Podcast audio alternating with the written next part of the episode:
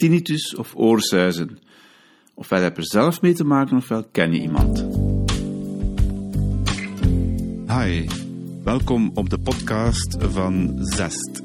ZEST staat voor Zen-training. En Zen-training wil zeggen, hoe kom ik snel en effectief tot rust en tot concentratie. Zen is voor veel mensen zweven. Voor anderen is het geconcentreerd zijn. In deze podcast brengen we gewoon terug met de voeten op de grond.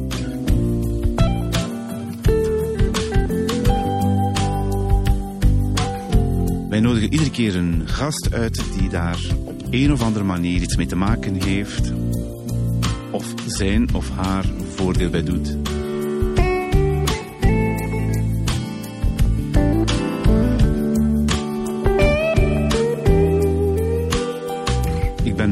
Jouw gastheer voor vandaag, en ik wens je heel veel luisterplezier. Welkom op deze podcast met professor Vink, audioloog aan de Universiteit Gent. En ik ben patiënt bij professor Vink voor tinnitus. Vandaag gaat het over oorsuizen. Hoe kan je daar op een positieve manier mee omgaan? Hoe kan je daar minder last van hebben? En als je het nog niet hebt, hoe kan je het voorkomen? Dus ik hoop één op drie mensen zou het hebben of ooit last van hebben. Dus professor Vink, het wordt een 25 minuten durende uitzending met heel veel informatie. Kunt u zich even voorstellen, alsjeblieft? Ik, uh, ik ben Bart Vink, ik ben uh, hoofddocent aan de Universiteit Gent. Uh, en ik hou mij sinds jaar en dag bezig eigenlijk met het probleem van ehm, gehoorschade en de gevolgen van gehoorschade in de maatschappij. Zowel bij jongeren als in een oudere populatie, waarbij gehoorverlies maar zeer zeker ook tinnitus, oorsuizen uh, en overgevoeligheid voor het geluid een belangrijke rol spelen. En zoals u zegt, gehoorschade, tinnitus, het komt wel wellicht meer voor als wij denken. Hè? Dus uh, ik ben echt benieuwd hoeveel mensen hebben er nu echt last van. Wel, het was voor in begin maart, op 3 maart, uh, was er een, uh, de Werelddag van het Gehoor, die door de Wereldgezondheidsorganisatie altijd wordt georganiseerd. En daar wordt toch op gewezen dat in, onze, in de totale wereldbevolking men tegen het jaar 2050 900 miljoen mensen verwacht met ernstige gehoorproblemen. Uh, dat is ongeveer op dit moment uh, nog maar 10% van de bevolking. Dus in België een, een ruim anderhalf miljoen of 1 tot anderhalf miljoen mensen die met uh, ernstige gehoorproblemen geconfronteerd worden. Maar dus slecht horen in de bevolking 10%, mensen met oorsuizen en aanverwante zaken meer dan 30%. Dus als je gaat kijken in ons land, dan gaat ruim 1 op de 3 van de mensen vroeg of laat met blijvend chronisch uh, oorsuizen geconfronteerd worden. Dat is een hele grote groep. Anderhalf miljoen Belgen, dat is inderdaad een heel grote groep. Ik voel me al minder alleen. En inderdaad, als je met andere mensen spreekt, dan ontdek je dat er meer mensen dat ook hebben en er last van hebben. Naar aanleiding van de voorbereiding van dit gesprek had ik het er zelfs over met mijn moeder en die heeft het ook. Dus hoeveel mensen komen er uiteindelijk dan bij jou terecht, professor? Wel, het is, het, gelukkig is het zo dat die 30% niet allemaal in dezelfde mate er last van hebben. Hè. Het is zo dat je moet rekening houden dat 80% van die groep hè, uiteindelijk zegt, ja, ik heb het wel, hè, maar eigenlijk stoort mij dat niet zoveel, behalve op stille momenten. Als het s'avonds wat rustiger is, Um, en als ik er ga op letten, dan uh, hoor ik dit soort uh, van geluiden wel. Maar het beangstigt mij niet, het beïnvloedt mijn dagelijkse activiteiten niet en ik ga zeker ook geen activiteiten gaan vermijden uit angst dat het erger zou worden. 1 op 5 van de mensen daarentegen komen eigenlijk in een toestand terecht waarbij ze zich echt zorgen maken. En, en waarbij ze denken, oei, dit komt nu ook bovenop de rest van andere dingen die ik in mijn leven heb. En als ze dan op consultatie gaan, dat ze heel vaak te horen krijgen van, ja, je zult ermee moeten leren leven, want de kans dat het ooit weggaat is heel klein. Wat uiteindelijk voor die mensen een enorme angstreflex uh, creëert, die, eh, die mensen nog verder op zoek gaan laten gaan naar hulp en verdere hulp. Dus 1 op 5 gaat uiteindelijk in een toestand zitten waar ze men op zoek gaat en de Ronde van Vlaanderen uh, gaat doen van het ene centrum naar het andere in de hoop dat iemand het piepje of de bel in hun hoofd gaat doen stoppen. Van die 20% zal 1 tot 5%, wat nog altijd een behoorlijk grote groep is, in België alleen een paar honderdduizenden mensen, die uiteindelijk geconfronteerd worden met een situatie waarbij het zeer sterk invaliderend wordt. Ze niet meer kunnen gaan werken, zich terugtrekken uit de maatschappij, zich gaan overbeschermen tegen geluid. Ehm, en zich dus met andere woorden heel sterk gaan isoleren en negatieve gedachten gaan ontwikkelen, waarbij sommige mensen inderdaad effectief overgaan tot levensbeëindiging of een aanvraag tot euthanasie formuleren. Oei, dat kan inderdaad heel ernstig zijn. Want in het begin had ik er ook veel meer last van. Ik heb ook de Ronde van Vlaanderen gedaan en ik ben geëindigd in een hoge druktank in Brussel in het Militair Hospitaal. Is dat zinvol, professor? Kun je daar iets over vertellen? Wel, men probeert vaak bij beginnende toestand, op het moment dat je de eerste klachten hebt, en er is, is heel vaak wordt relatie gelegd tussen oorschade, uh, oorsuizen en gehoorschade. Uh, probeert men heel vaak uh, via hyperbare zuurstoftherapie, is een soort therapie die gegeven wordt zoals bij duikers die in een soort ja. caisson situatie terechtkomen. Ja. Eh, bij die mensen wordt dan gedurende een tiental sessies eigenlijk zuivere zuurstof onder zeer hoge druk in een aantal sessies van een tweetal uur ehm, aangegeven in de hoop dat door die overdreven hoeveelheid zuurstof de bloedvoorziening verbetert, de zuurstofvoorziening verbetert en dat de haarcellen die zouden afgestorven zijn, dat die terug tot leven zouden komen. Dus men probeert dat uh, soms initieel te doen, maar dat is een zuiver medische behandeling die niet altijd een gunstig resultaat heeft. Oké, dat begrijp ik. Maar dat brengt mij bij de vraag die heel veel mensen zal interesseren. Hoe pak je dat dan aan? Professor, je bent audioloog, je hebt een heel team. Wat kan je wel doen? Hè? Kan je ons dat eens stap voor stap uitleggen? Wel, het is zo dat de klassieke zoektocht van de behandeling voor oorsuizen, als je dat vanuit medisch standpunt gaat bekijken, dan ga je eigenlijk zeggen, goed, oorsuizen is een ziekte en een ziekte moet je de, moet je de kop indrukken.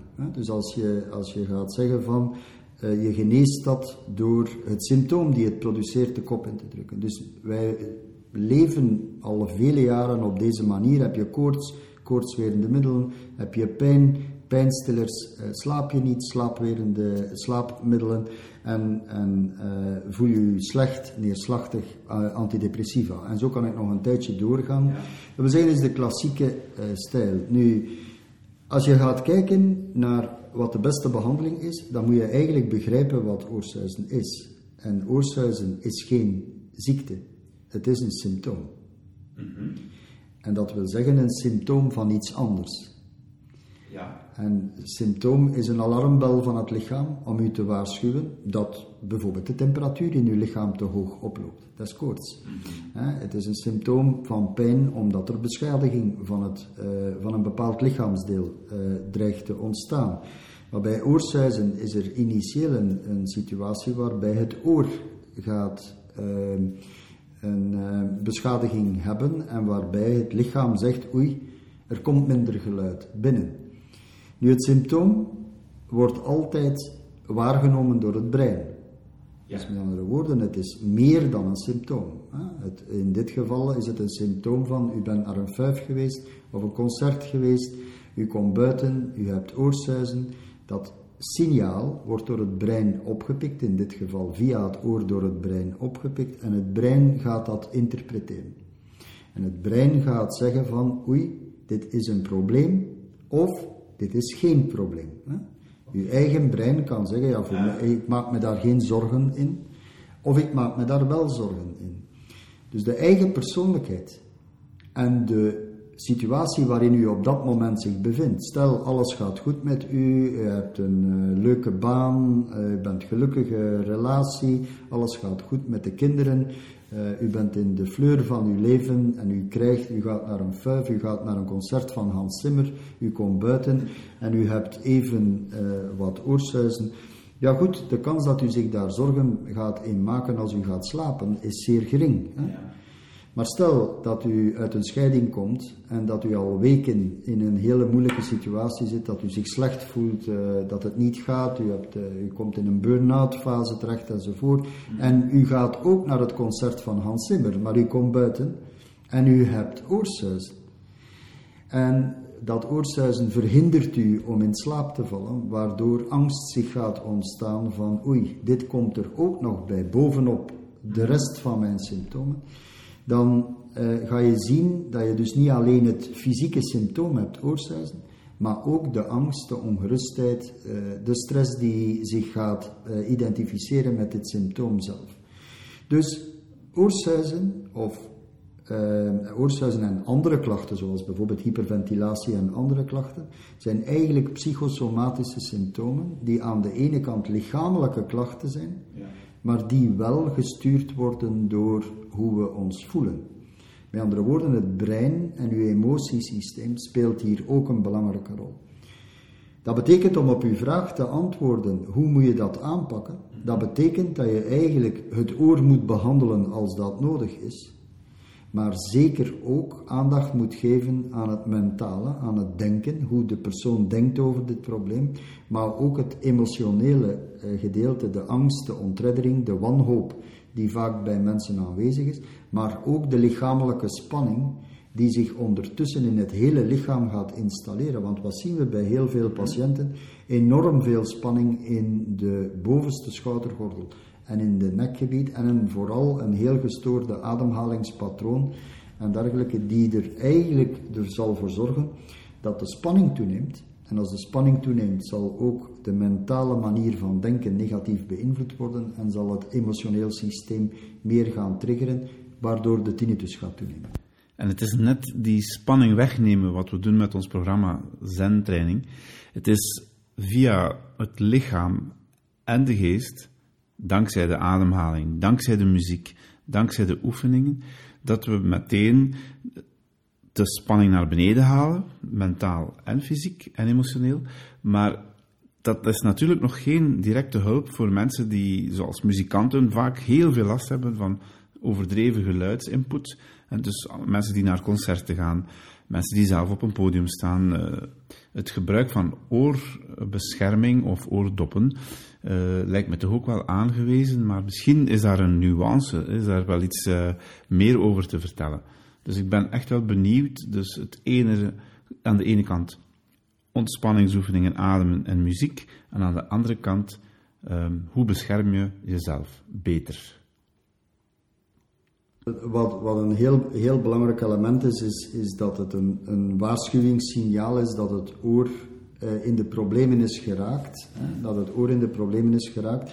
Maar dat je dus inderdaad um, uh, een aftakeling van het oor die klassiek is, want met de leeftijd gaan we allemaal wel een beetje aftakelen. Uh, ja, dat is een, een, realiteit die voor iedereen van ons geldt. Aan de andere kant is het zo dat overmatige belasting van het oor, wat, wat het, eh, sinds de jaren 70 toen elektronisch versterkte muziek is opgekomen, we in staat zijn om langdurig uh, en voor vele dagen en, en, uren uiteindelijk aan geluid blootgesteld te worden. Kijk maar hoe een festival op dit moment drie tot vier dagen duurt, waarbij jongeren heel vaak, en ouderen, hè, heel vaak in een onbeschermde toestand uiteindelijk zich gaan blootstellen. Ja goed, het is duidelijk dat dat is een, een situatie die vaak voorkomt. Nu, Anderzijds is het zo dat we ons ook niet mogen overbeschermen, want geluid is helend. Muziek is helend. Dat wil zeggen, als wij naar rustige muziek luisteren, of muziek die wij graag beluisteren, dan weten we dat dat het brein tot rust brengt. Dat dat eigenlijk de hyperactiviteit in het brein vermindert.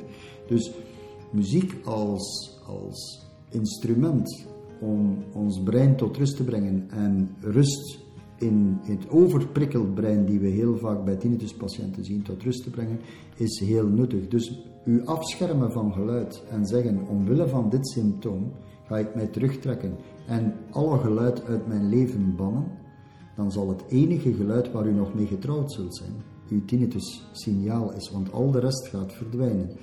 Dus preventie ja, wanneer het moet, maar niet altijd. De enige omstandigheden waarin je jezelf met hoorbeschermers moet beschermen, is wanneer dat je moet roepen om elkaar nog te verstaan.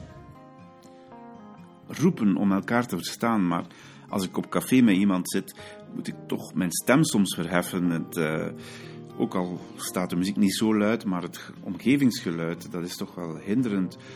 Wat bedoel je juist met de roepen, eh, professor? Wel, het is zo dat het, het risico op gehoorschade wordt niet enkel bepaald door de sterkte van hoe luid de muziek staat, maar wordt ook bepaald door de duur dat je in zo'n situatie zit. Dus het is de dosis die je hebt op zo'n moment. En de dosis wordt pas onveilig als je op één meter afstand van iemand zit en echt moet gaan roepen om uh, elkaar te verstaan. En dat aantal omstandigheden is zeer beperkt. Het aantal keren, zelfs in de bioscoop, bij een luide film van James Bond, No Time to Die, en u gaat naast die, die uw collega of partner zitten, u kunt rustig tegen die partner zeggen uh, van uh, het is een mooie film. U moet niet roepen in die cinemazaal. Dus met andere woorden, en die signalen, die symptomen zijn nooit erg. Dus waar je in de problemen geraakt zijn, bijvoorbeeld huwelijksfeesten waar heel veel luide muziek staat, of uh, fuiven, concerten en festivals, dat zijn de omstandigheden. Alle andere omstandigheden moet je nooit roepen. Wel nu, stel dat je toch in zo'n situatie zit, dan moet je al uren in die situatie zitten vooraleer dat je schade hebt. Met andere woorden, het risico op schade gebeurt niet zo snel. Anderzijds, waar u naar refereert, is het hindert mij. Het stoort mij om in mijn ruimte te zitten waar heel veel muziek is. Waarom? Omdat het dan ook moeilijker is om elkaar te verstaan. En dat dan de luisterinspanning, de inspanning die u moet doen om nog te verstaan, veel groter wordt. Wat ook vermoeiend werkt. Dat herken ik inderdaad, dat het veel energie kost om mensen in een ruimte te kunnen beluisteren terwijl er achtergrondgeluid is. En dat heeft een andere naam, dacht ik, in plaats van tinnitus, dat is uh, hyperacusis. En dat maakt het nog moeilijker om hiermee om te gaan. En daarvoor, had u mij gezegd, is een hoorapparaat wellicht een goede oplossing, want dan hoef je je minder te vermoeien, blijf je mentaal en fysiek frisser. Daar ben ik wel even benieuwd naar iets meer uitleg.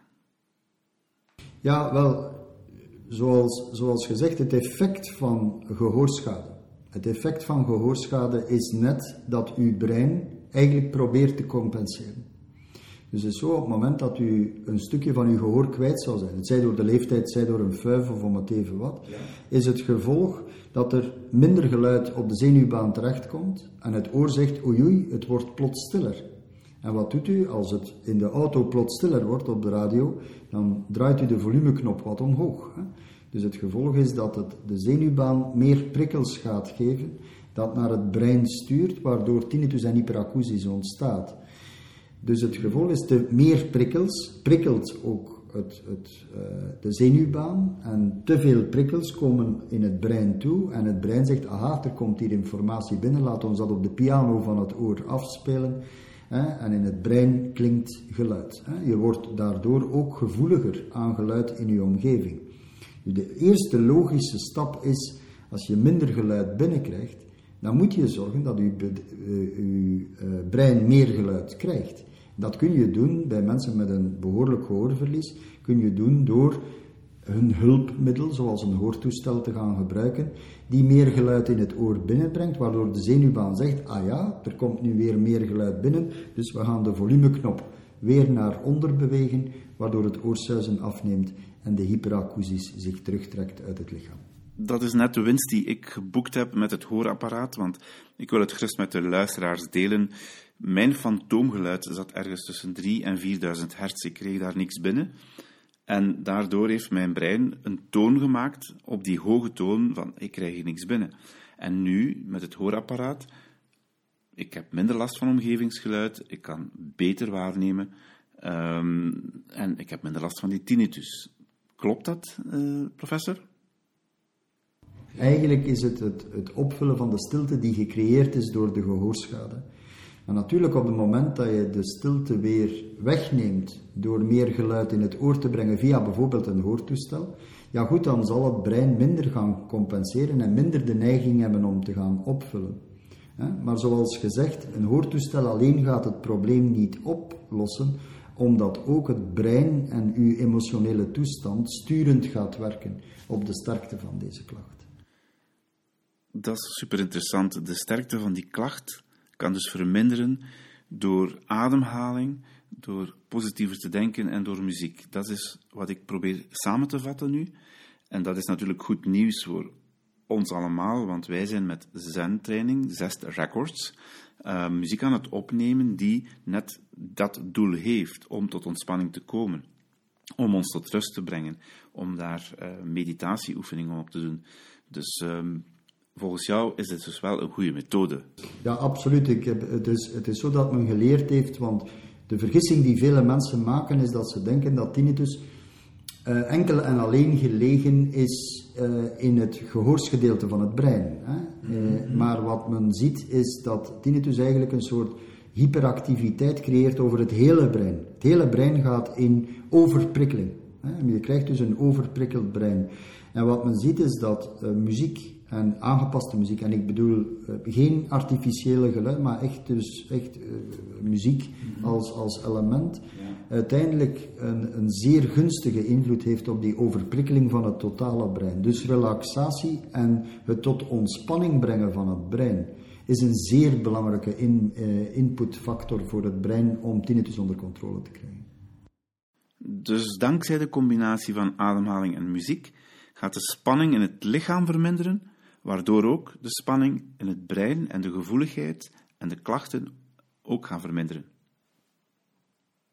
Ja, en dat is een, een uitermate belangrijk element, omdat wij zien bij ongeveer alle patiënten een enorme overdruk. Mensen bouwen, trekken spanning op naar binnen. Die overmatige spanning die zich opbouwt in het hele lichaam, die versterkt eigenlijk de symptomen die de patiënten hebben. Of dat dat nu tinnitus of migraine is of iets helemaal anders, maar versterkt enorm. Dus het, het, de muziek samen met relaxatietherapie, met aandacht op, op ademhaling en andere relaxatiefactoren, is een uitermate belangrijke uh, dimensie die eigenlijk in het therapeutisch programma zorgtraject moet worden meegenomen. Oké, okay, dankjewel. Dat is wat therapie betreft. Maar als afsluiter, we naderen het einde van uh, dit gesprek, professor. En nu al veel dank daarvoor. Maar wat kunnen we nog meer doen om tinnitus en hyperacusis te voorkomen?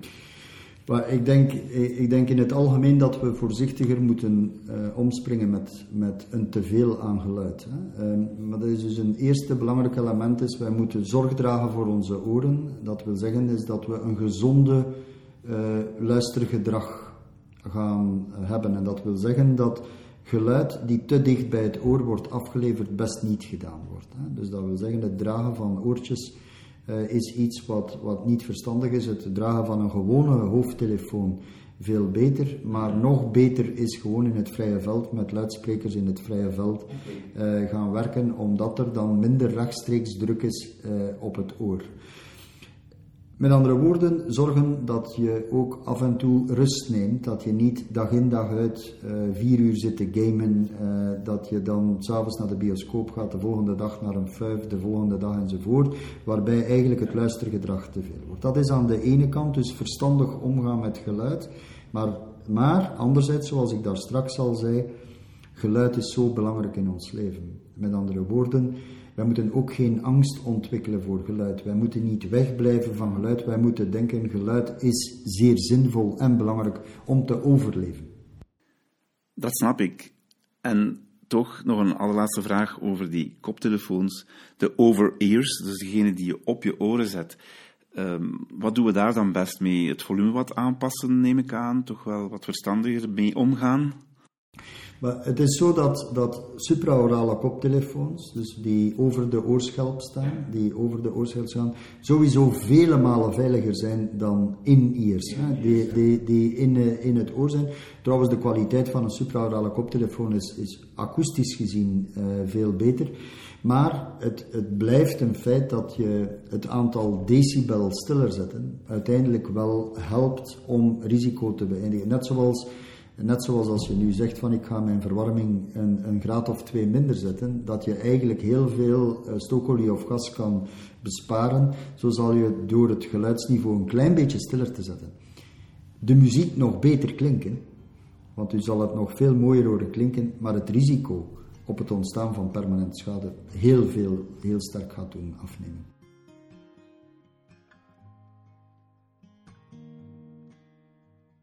Oké.